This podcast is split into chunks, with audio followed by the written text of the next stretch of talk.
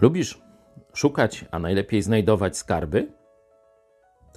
Otwórz sobie drugi list apostoła Pawła do Koryntian, czwarty rozdział, werset siódmy. Tam znajdziesz następującą informację.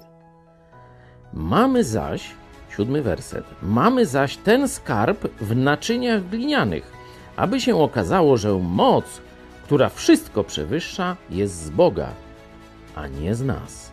Wow! Nie mamy szukać skarbu.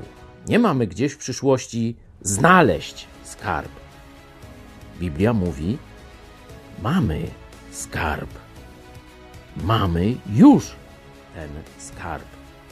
Pytanie: co jest tym skarbem? No, wystarczy przeczytać werset wcześniej, czyli 2 Koryntian, czwarty rozdział, werset szósty. Bo Bóg, który rzekł: Z ciemności niech światłość zaświeci czyli Bóg, który stworzył świat, który powiedział i stało się, który powiedział i ciemność zamieniła się w światło.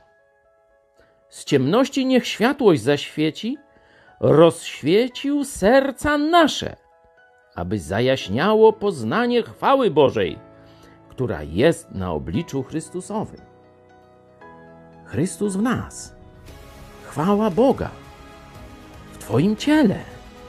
Wow, oczywiście jest to e, prawda dotycząca tylko i wyłącznie nowonarodzonych chrześcijan, nie wszystkich ludzi, tylko tych, którzy uznali swoją grzeszność, uznali w Jezusie Boga, który przyszedł na ziemię, aby zapłacić całą karę za każdego z nas i osobiście z głębi swojego bólu i grzechu zawołali: Jezu, ratuj, Jezu, zbaw, wejdź do mojego serca i bądź ze mną na zawsze.